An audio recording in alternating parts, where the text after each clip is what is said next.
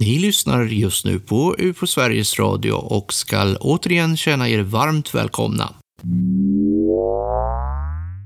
För er som vill veta när detta blir till så är det idag pi-dagen, alltså den matematiska konstanten, och matematikens dag, vilken sedvanligt firas med paj av olika slag och till det kaffe ur den trevliga ufo-muggen.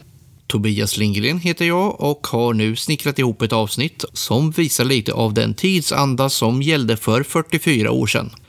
I vårt gedigna ljudarkiv har jag hittat UFO Sveriges medgrundare och förste ordförande, Karl-Axel Jonsson.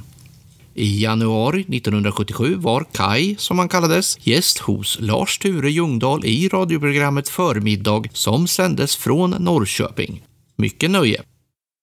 Och nu lyssnar ni till Förmiddag med Lars-Sture Ljungdahl från Norrköping.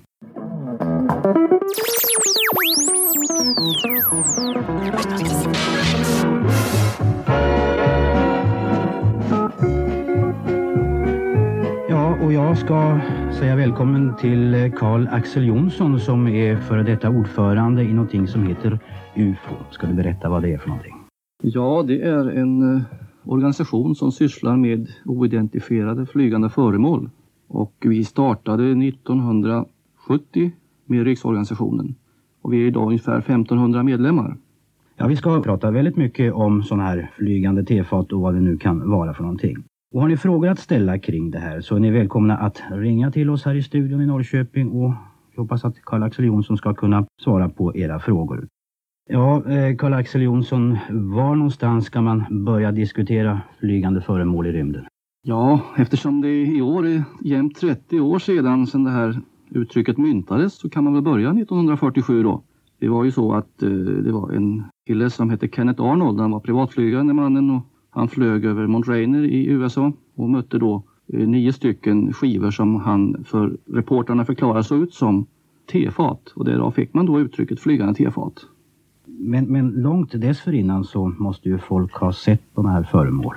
Det är alldeles riktigt. Man har sett sådana här för, föremål så länge som det har funnits människor på jorden här. Och eh, det man tidigast kan få tag i det är väl genom prästböckerna. Det finns nämligen nedtecknat där en hel del. Eh, annat det är ju rena sägner som går och det kan man kanske inte sätta så stor tilltro till. Men det finns ju ingen anledning heller att tro att det skulle ha börjat senare. Det har säkerligen varit med från början det här fenomenet. Vad var anledningen till att man skrev ner det här i kyrkböckerna? Ja, det var väl så pass uppseendeväckande som man har skrivit ner det. Och man har ju målat av sådana här bilder. Man har i Storkyrkan i Stockholm till exempel en bild som föreställer en tidig ufo-observation. Man säger att det är bisolar, men eh, Olaus Petri han kan väl inte ha tagit fel på bisolar och ufo-hjärna. Det, det måste ju vara fråga om ufo i det här fallet. Har ni forskat i det här och tagit reda på hur pass många anteckningar det finns? Det är lite svårt att göra. Dels så krävs det att man kan eh, tyda den skrift som man hade på den tiden. Det är skrivet med mycket sån här gammaldags stil och det kan i varje fall inte jag göra. Men jag har en kille i Vadstena som sitter på arkivet där och forskar i såna här saker och det kommer fram lite där undan för undan. Det här med det här flygande tefatet som, som kom för 30 år sedan, var det någon sanning i det? Eller? Eh, för 30 år sedan? Ja, det var då du sa att man myntade... Alltså, ja, det var nio stycken skivor. Man får väl förmoda att det var det. Det finns väl ingen anledning att säga att man möter någonting som man inte möter. Liksom. Och det är ju inte, han är ju inte ensam om att ha mött sådana här skivor. Det har ju förekommit tidigare också. Det började väl i Sverige 34 ungefär. Då hade vi de här spökflygarna här och spökraketerna vad det kallades. Alltså man hade så skojigt åt på, ute på revyscenerna bland annat. Så har vi fått ett telefonsamtal och det kommer ifrån Martin Albansson. Välkommen. Tack. Ja, du har sett eh, ett rymdskepp säger du. Ska du berätta för oss när detta var?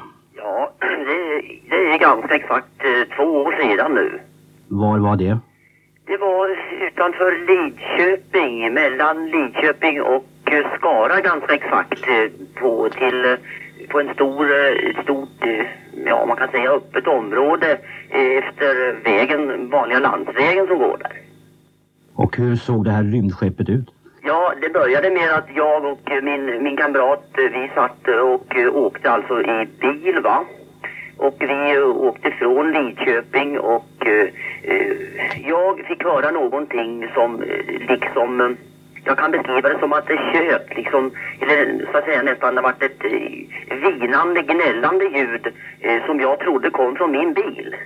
Vi eh, eh stannade upp eh, eh, för att eh, det där tilltog mer och mer alltså. Och eh, när jag stannade upp så eh, snett ovanför bilen stod det någonting stilla i luften som, som eh, Eh, ja, man kan säga att det liksom gnällde om det hela. Det tjöt om det. Eh, ett, ett, eh, inte ett skarpt ljud, ett, ett, det var ett stort vinande ljud kan man säga. Och det liksom, eh, det tynade av det sakta och det här flyttade sig eh, med ganska små snabba knyckiga rörelser ut mot gärdet där det ställde sig så småningom ner på marken alltså. Vad säger du om det här Karl-Axel?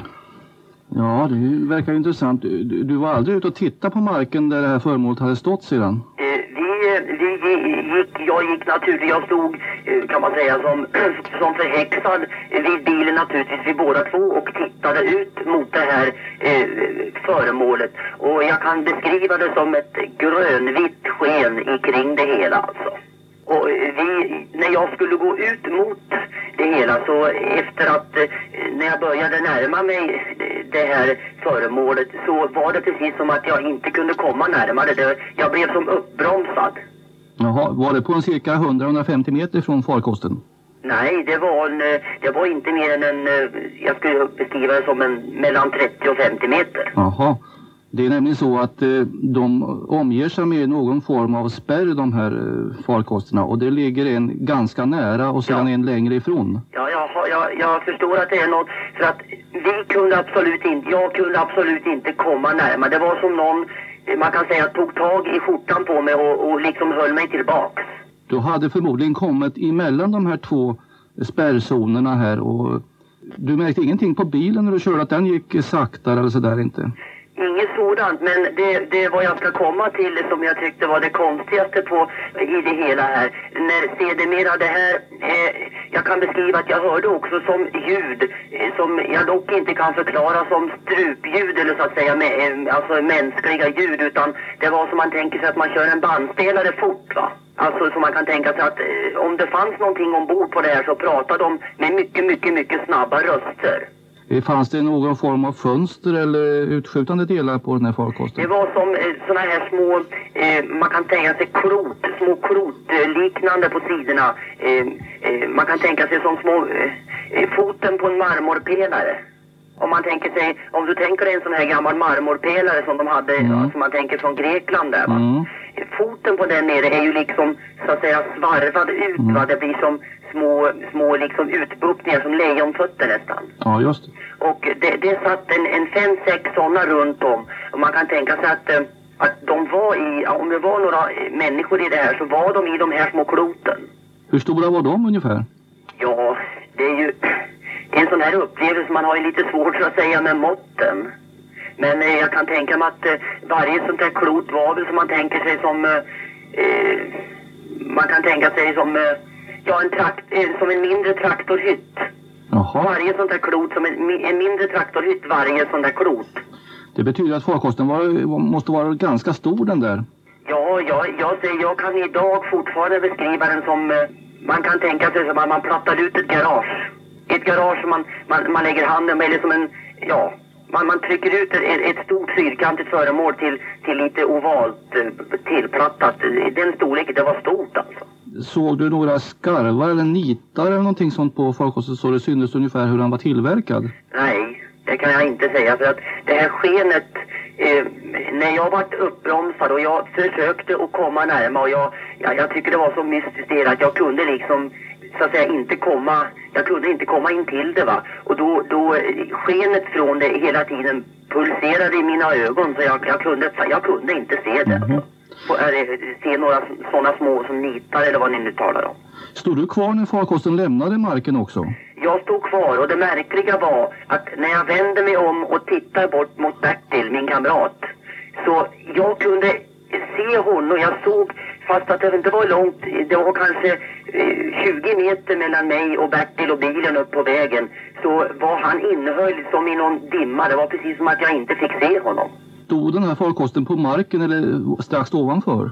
Jag tycker idag att den, eh, som jag upplevde att den stod precis strax ovanför. Men så att säga ändå var den på marken. Och det var mark under det tillfället? Ja, absolut. Det var vanligt, ett, ett, ett, man tänker sig ett slaget fält alltså där det bara är eh, halmstubben kvar. Ja, Martin Albansson utanför Eskilstuna bor du, men det var i Västergötland som du hade sett ett rymdskepp som du så målande beskrev. Eh, vad, vad, hände sen när ni hade iakttagit det här rymdskeppet? Gav det sig iväg eller? Det stod alltså kvar ett, längre tag eh, ut på, det stod alltså kvar ett, ett tag medan jag stod där och så, så fanns det kvar ute på fältet. Du såg inte om eh, de eh, gjorde någonting, några reparationsarbeten eller någonting i den stilen? Det, kan jag inte säga. Det, det enda som jag tycker när ni säger reparation som kan stämma, det är att det knackade. Det, ett plåtliknande knackande i det här ljusskenet som liksom med, med en form av eko. Var det andra som såg det här rymdskeppet också eller bara du och din kollega? Det var bara jag och Bertil, ja. Han såg det trots att du inte såg honom där. Du sa att han... Ja, det är det, det, är det jag vill komma till med, med liksom en som är, som jag nu så att säga talar med, som är expert på det här. Att, att just att, att jag inte ser honom knappt på bilen va, men, men, men uh, han har sett mig hela tiden och, och, och liksom vad jag såg va, men, men att det, det, det, det är det konstiga det. Ja, det kanske inte är så konstigt därför att eh, om man befinner sig i det här fältet så ser man kanske bara i en riktning. Och Jaha, då är det inte så konstigt längre. Ser man med ett öga då bara eller? Nej, man ser i en riktning. Alltså man kan inte se åt båda hållen så att säga. Du kan inte se tillbaka för då är det spärrat åt det hållet. Jaha, ja. Ja, det förklarar ju det hela det. Kan det inte vara så Karl Axel att man, man drabbas av utav hypnos eller någonting och sen ser saker? Ja, när man nämner hypnos så är det väl intressantare tycker jag att eh, göra det, den testen med personer som har varit utsatta för sådana här saker att man hypnotiserar dem och för dem tillbaka i tid och låter dem återuppleva den här upplevelsen. Det visar sig nämligen mycket ofta att eh, det fattas tid för dessa personer och under den tiden så har de varit ombord på de här rymdskeppen och de har fått vissa informationer och så vidare men har glömt bort det. Och det kan man alltså ta reda på i efterhand med hypnos. Så det vore min förhoppning att det alltid skulle kunna göras en sådan undersökning.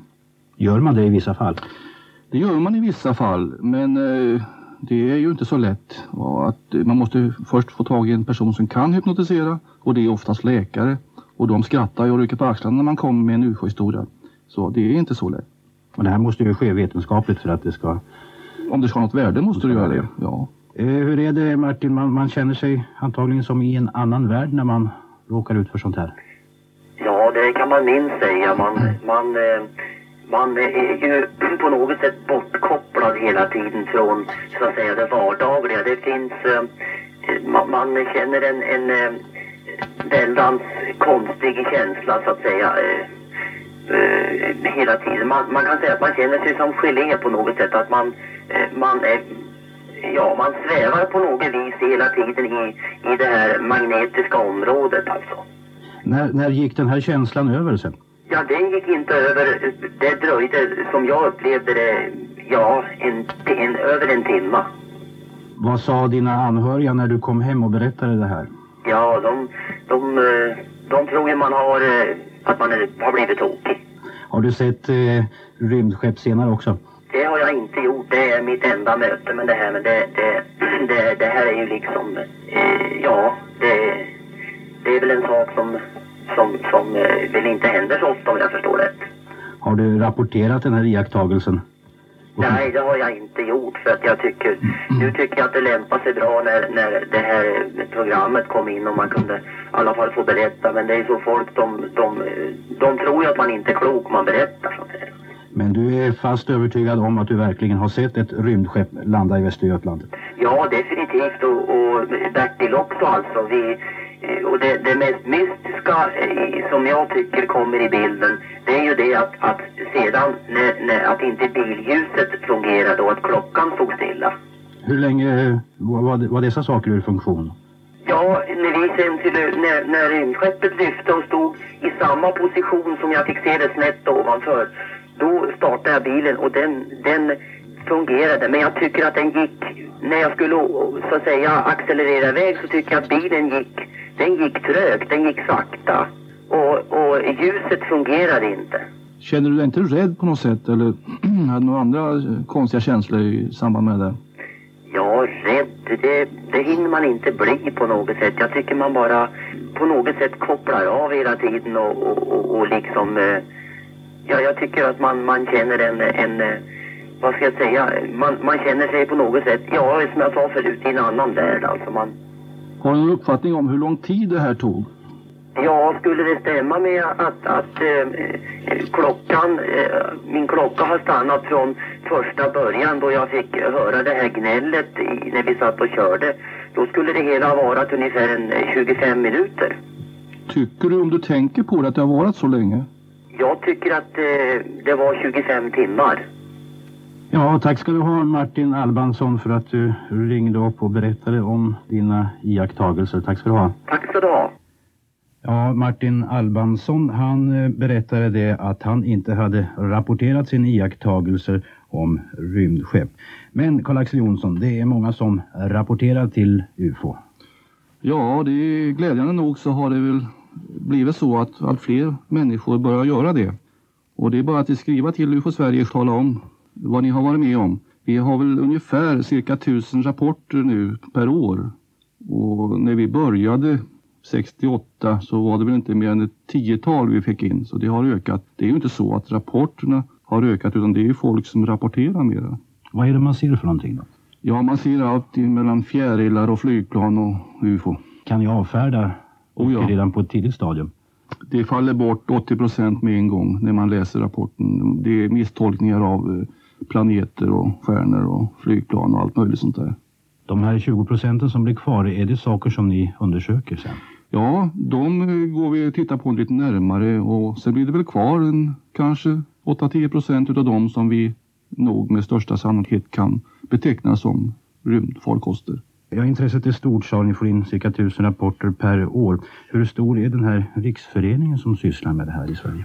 Ja, vi är 1500 medlemmar men då ingår det ju också grupper och jag vet inte för närvarande hur många personer varje grupp inrymmer men skulle man räkna så så kanske ett par tusen medlemmar uppskattningsvis. Och det här är någonting som, som sväller i Sverige? Det sväller, ja det gör det. Inte bara i Sverige utan i övriga världen också. Ja, när jag för några dagar sedan pratade med Karl-Axel Jonsson eh, om det här med flygande tefat och annat mystiskt i rymden och berättade att vi skulle låta lyssnarna ringa till programmet och ställa frågor så sa han att du kommer att bli nerringd. Någonting som jag inte trodde på då men kan konstatera just nu att jag hade alldeles fel därför att vi är nerringda om flygande tefat. Och nu har vi kopplat upp ett telefonsamtal till Gunnel Bernfalk i Eksjö. Välkommen Gunnel. Tackar. Ja, du har sett flygande tefat du. Ja, det vet jag inte. När var detta du gjorde din iakttagelse? Jag, jag vill anknyta till den förre som ringde. Vi var ute på tipspromenad och eh, det var ett par till och så jag. Jag vet inte, vi känner inte de där från andra familjen. Och hon påpekade det var en flock vildgäss uppe i luften. Och eh, titta där sa hon och det var ju väldigt grant. De flög i V-formation upp mot norr och ehm, rätt vad det var så började de där flyga huller om buller. De kom inte fram liksom. Bestämt är de lite trötta sa jag så de vill ner på sjön och vila sig. Men eh, så flög det någonting ifrån vildgässen i en vit båge ut och den blänkte till i solen. Men det var alldeles tyst, det var inget ljud. Och den gjorde en vit sväng över stan och försvann mot söder på rätt låg höjd. Och i soldiset såg man bara konturerna av föremålet. Det var som man kan tänka sig två stora tallrikar på varann. Hur stora var de här? Ja, jag kan inte säga det. Men att om jag jämför dem med tallrikar liksom. Men man såg bara konturerna. Man såg inte, man kunde liksom se igenom hela alltet. Det inte solitt det här föremålet utan det verkar Ja, genomskinligt? vi såg det på så långt håll va. Och så var det soldis. Man såg bara konturerna av föremålet liksom. Flög det förbi de här gässen eller mötte? Nej, det tydligen hindrade gässen för gässen fortsatte så fort det här hade försvunnit ifrån det. Så det mötte gässen då? Ja, antagligen. Eller om det stod still. Jag vet inte. Eh, Och inget ljud För det bara liksom kastade sig ifrån den här vildgässflocken och så ut. i en vid sväng. Eh, Vilken tid var det här på dagen? Det var på förmiddagen. En Jaha. söndag förmiddag. Jaha. Och ni, Och ni, det är ungefär två år sedan. ni var alltså ute på en promenad då? Ja, vi var ute på de här populära tipspromenaderna som Korpen har. Var det solsken den här dagen? Jajamensan. Och dis. Kan det inte vara så, Karl-Axel, att eh, ofta är, man ser reflexer från flygplan? Jo då, det kan man visst göra, men vad skulle gässen reagera på en reflex för? Det kan man ju fråga sig. Var det fler som iakttog det här, Gunnel? Ja, det var ett par till. Ett ungt par som, hade som vi fick sällskap med på vägen. Ja. Men jag känner dem inte. Jag vet inte vad de heter. Om man anknyter till eh, det förra. Ja, om det eh, kunde ha varit samtidigt ungefär. Ja, men jag nämnde då redan att de här omger sig med en, en, eh, form av eh, Ja, jag hörde spärr. det. Och det kan ju vara den, det det gör de dels för att skydda sig själva, dels för att skydda andra höll jag på att säga. Ja, Det kan ju vara så att eh, gässen eh, kom i kontakt med det här ja eh, just det. fältet och Så att de eh, inte kunde fortsätta fram det är liksom. det mest troliga i så fall. Om det nu var ett eh, flygande tefat här och det får man kanske utgå ifrån eftersom gässen reagerade som de gjorde. Ja, och så var det ju inget ljud heller. Det är alldeles tyst. Ja, tack ska du ha Gunnel för att vi fick ringa upp dig och Mm. höra på din version av det här. Ja, Tack ska du ha. tack, tack. Ja, som sagt vi får många frågor till detta program som handlar om flygande oidentifierade föremål i luften. Här är en Karl eh, Edgren som frågar, observerar flygplanspiloter dessa flygande föremål? Vad säger de om det? Jo, jag kan säga det att de observeras samtidigt eh, både visuellt ifrån marken, på markbaserad radar, på flygbaserad radar och av piloterna själva. Och om eh, man nu skulle vilja eh, bortförklara det hela med en synvilla så får man väl tänka på att försöka ändra på radarn då, för det blir väl inte så roligt annars om de reagerar för synvillor också. Var är sådana här flygande föremål vanligast i Sverige? Det kan man eh, säga att det finns vissa platser som är mer utsatta för de här. Vi kan ta en sådan plats som Ludvika. Där är det ovanligt mycket observationer. Och Kolmården här, inte att förglömma, det är ganska mycket här också. Öland och Kalmartrakten likaså. Undersöker man sådana här eh, landningsplatser med geigermätare exempelvis? Det gör man. Men det sorgliga är ju det att eh, det kostar otroligt mycket pengar. Och jag skulle vilja säga i det sammanhanget, vi är beskyllda för att vara lättrogna och inte kritiska nog när vi gör undersökningar. Men det är inte så, utan vi är mer kritiska än någon annan. Det är bara det att vi saknar medel till det. Det kostar tiotusentals kronor att undersöka en sån här eh, landning. Och det är vad vi får in i medlemsgifter på ett år. Och då ska vi sköta en medlemstidning som vi har på det också. Vi ska återkomma till det här med pengar så småningom och också samarbetet med FOA. Så har vi telefonkontakt med Stig Andersson i Kyrkhult i Blekinge som har fotograferat flygande föremål. Stämmer det? Ja, just jag eh, var 1948 i Västmanland eh, strax utanför Surahammar. Och jag var ute på våren för eh, jag är intresserad av ormar och var ute för att fotografera och se om jag kunde få tag i någon orm. Och jag gick upp på ett högre berg strax sydväst om Surahammars samhälle och skulle ta en eh, översikt över området där man kunde tänka sig att det fanns just reptilormar sådär på vår sida. En sydsluttning. Och då kommer det, ser jag i luften, det kommer ett föremål eh, fram ur, ifrån norr mot eh, sydväst. Och jag har ju kameran med mig och eh, jag exponerar en, tre bilder mot det där föremålet. Eh, senare när jag framkallade filmen så hade jag bara fått med dig på en bild.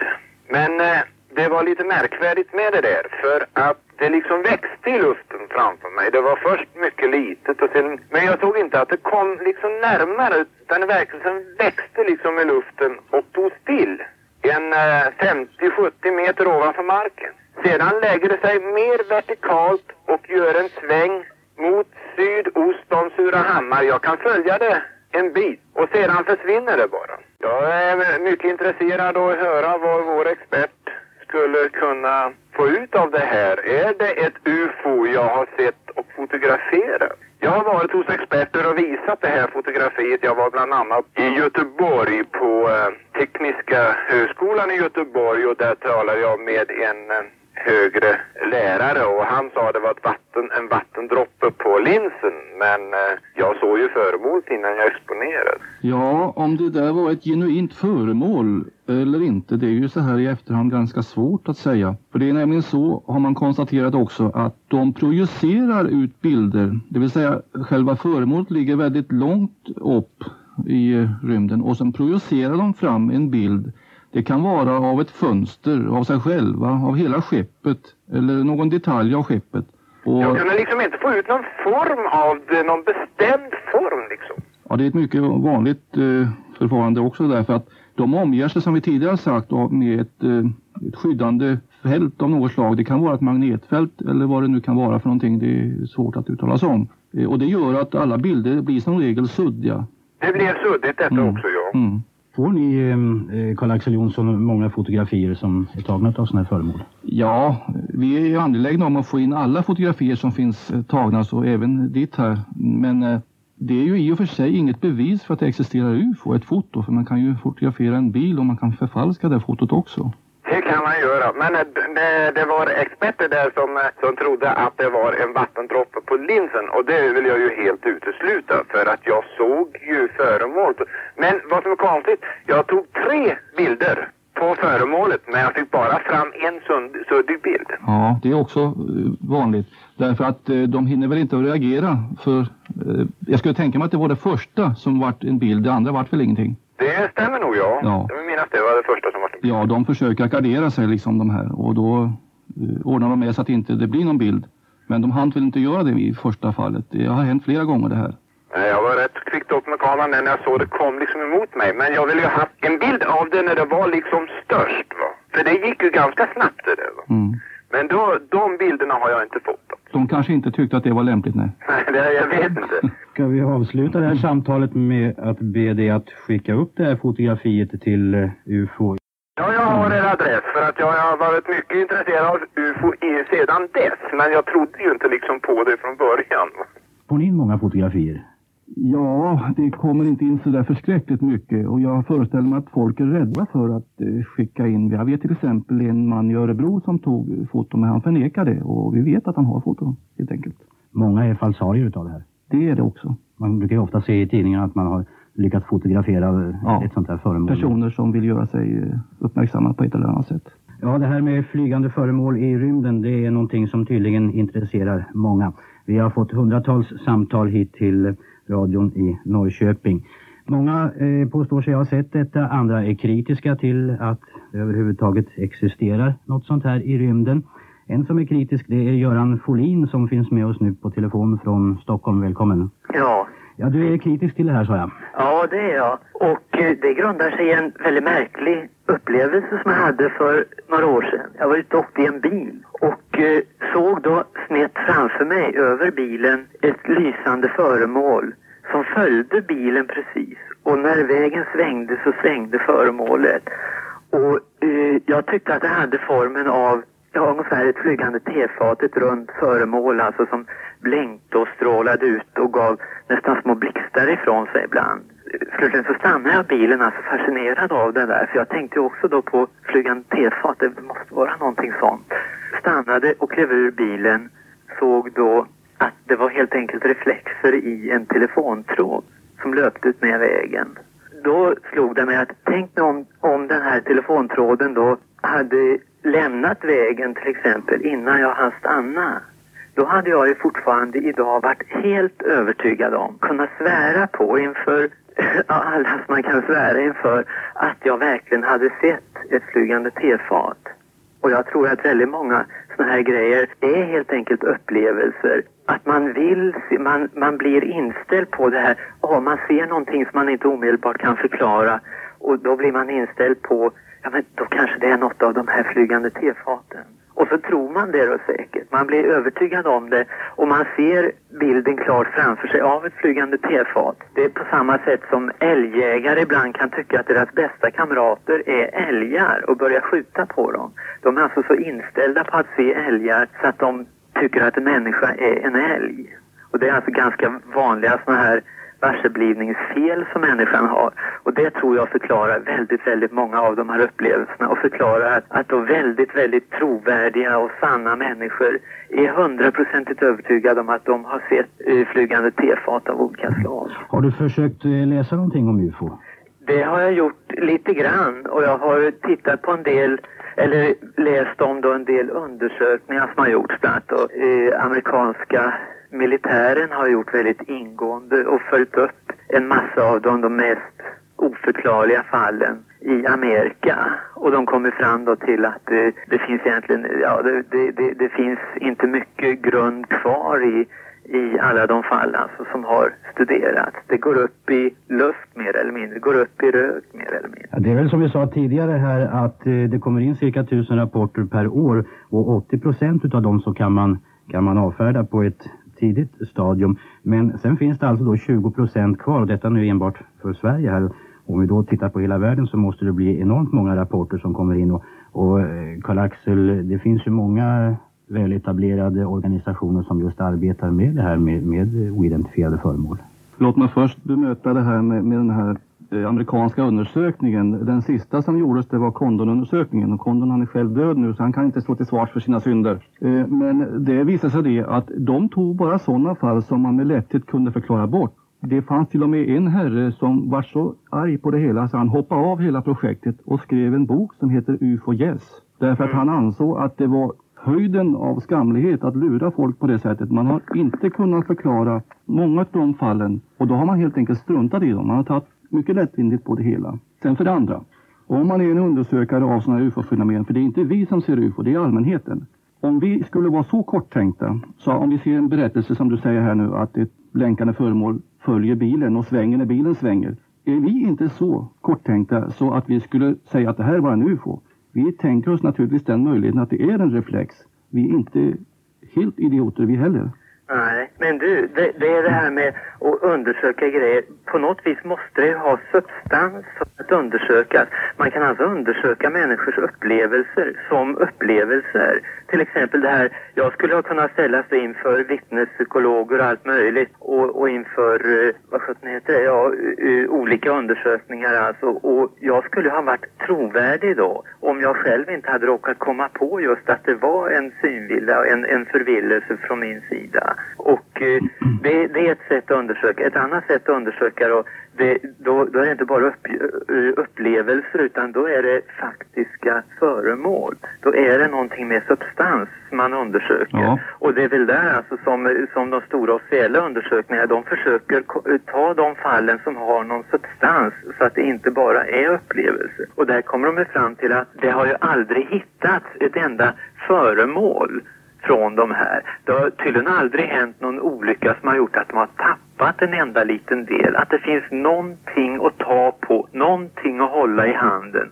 Och detta är väl om något märkligt när det skulle ha funnits då dessa tusentals och tusentals föremål som tydligen åker omkring dag och natt och dag och natt och på hela jorden men aldrig släpper ifrån sig någonting av substans. Ja, hur kan du säga det? Ja, för att eh, man har inte hittat någonting. Har man inte? Jo, det Nej. har man visst gjort. Det, det har man inte gjort. Alltså, ut, utom det eh, att man har hittat grejer som mycket väl kan förklaras på olika sätt. Ska vi lyssna på Karl-Axel här för han berätta om var man har hittat Ja. Rester? För det första skulle jag vilja säga det att det är ju som jag sa tidigare väldigt svårt. Det finns vid många tillfällen när man hittar substanser som försvinner efter viss tid till exempel. Ja, men det, det är ju... Man, nej, men, ett, ett ögonblick här. Ja. Det kostar oss tiotusentals kronor att undersöka det här som jag sa. Och det kan vi inte göra, därför blir vi beskyllda för att vara lättlurade och så vidare. Men det är inte så. Det är brist på pengar. Mm. Men när det, gäller, när det gäller andra grejer så har vi för närvarande en pryl som ligger i Amerika på Berkeley universitetet där. Som har hittats utanför Stockholm. Där det är en metallbit som är mycket speciell. Och den har endast tillverkats på ett ställe på jorden, en liknande metall, och det är i Frankrike på 20-talet. Ja, men det, jag, jag har hört talas om flera sådana här grejer. Men eh, då de verkligen undersöks alltså, så kommer de alltid fram till, till eh, vanliga jordiska förklaringar om jag får uttrycka det så. Och det, det, det, är ganska typiskt genomgående att tränger man in i det här alltså så, så ja som jag sa förut upplöses det i, i, eh, i rök egentligen. Vi ska ta återkomma till det där strax. Ja, Karl-Axel Jonsson, hur är det nu det här med, med kvarlämnade substanser egentligen? Ja, det finns som jag sa eh, kvarlämnade substanser. Eh, men eh, i många fall så, det är ju så att de som tar hand om det här, det är i regel UFO-grupper och privata intressenter i landet, eller i respektive länder. Och de kommer först till platsen givetvis eftersom de bor i närheten där. Och sen försöker man då få det här analyserat och man hör ingenting. Jag vet exempel där man har skickat in någon sorts maska till exempel som eh, föll ner i ett förskräckligt stort antal utanför, ja det var i Småland utanför Mariannelund. Och det skickar man in på analys. Jag kommer nu inte ihåg vart det var för det är länge sedan det här. Men det kom aldrig något svar på det. Så det är inte så underligt att man inte har någonting att peka på när ingen säger någonting. De kunde förmodligen inte säga vad det var och då struntar man i det. Det var ju inte någon högre man som skickade in det. Det var en vanlig medelsvensson som gjorde det. I Sverige, där samarbetar ni med FOA? Ja, FOA har ju uttryckt en önskan om att få ta del av eh, våra rapporter här och visst gör vi det eh, om det erbjuds sådana tillfällen. Men det saknas pengar? Ja, det saknas pengar i massor för vi kan inte göra någonting och det blir ju rapporterna lidande på. De rapporter vi sammanställer, de blir ju helt lidande på att vi har dåliga resurser. Och då får man ju tillbaka det här med kritiken på sig som en bumerang då. Att man har gjort dåliga undersökningar. Det är inte våra fel. Hur är samarbetet med andra nationer när det gäller UFO? Det är mycket gott. Vi har samarbete över hela världen. Australien, Japan, Nya Zeeland, överallt. Även nordiska länder givetvis. Eh, för någon tid sedan så kunde man läsa i tidningarna om en hemmansägare i Boda utanför Målilla i Småland som hade upptäckt ett eh, vattenhål som inte hade funnits tidigare och i tidningarna så spekulerades det om det, om det kunde vara rymdfarare som var i farten. Har ni undersökt det här fallet? Vi har varit dit ett par gånger men eh, vi tror inte att det är någon fråga om rymdskepp utan vi tror snarare att det är någon meteorit eller något skrot utav någon satellit eller något sådant som har ramlat ner och slagit hål. På 50-talet så var det ett uppmärksammat fall nere i Helsingborg. Ska du Utanför Helsingborg, ja. Ska du berätta om det? Ja, det var ett par killar som var, kom i, i bil där och, och sen fick de se ett rymdskepp som hade ladd, landat vid en tältplats jämte vägen där. Och då stannade de och gick ur. Och då kom det ur det här rymdskeppet någon form av varelse eller vad man ska kalla för. De såg ut som gurkor någonting, slemmiga otäcka saker. Och de eh, hakade tag i de här grabbarna och drog i dem och försökte få in dem i skeppet. Och i synnerhet en av dem. Men han hängde sig fast vid den här, eh, det fanns en stolpe som det stod en pil på den som sa att det var tältplats där. Och han grep tag i den där stolpen och höll sig kvar där. Och på så vis klarade han sig. Ja, det må vara hur det vill med eh, dessa varelser i rymden. Kanske vi någon gång i framtiden får veta om de verkligen finns. Kanske det idag ligger mer på det andliga än det teknologiska planet. Förmiddag med är slut för idag. Jag säger tack till Karl-Axel Jonsson som har varit min gäst i studion och tack till er som har lyssnat.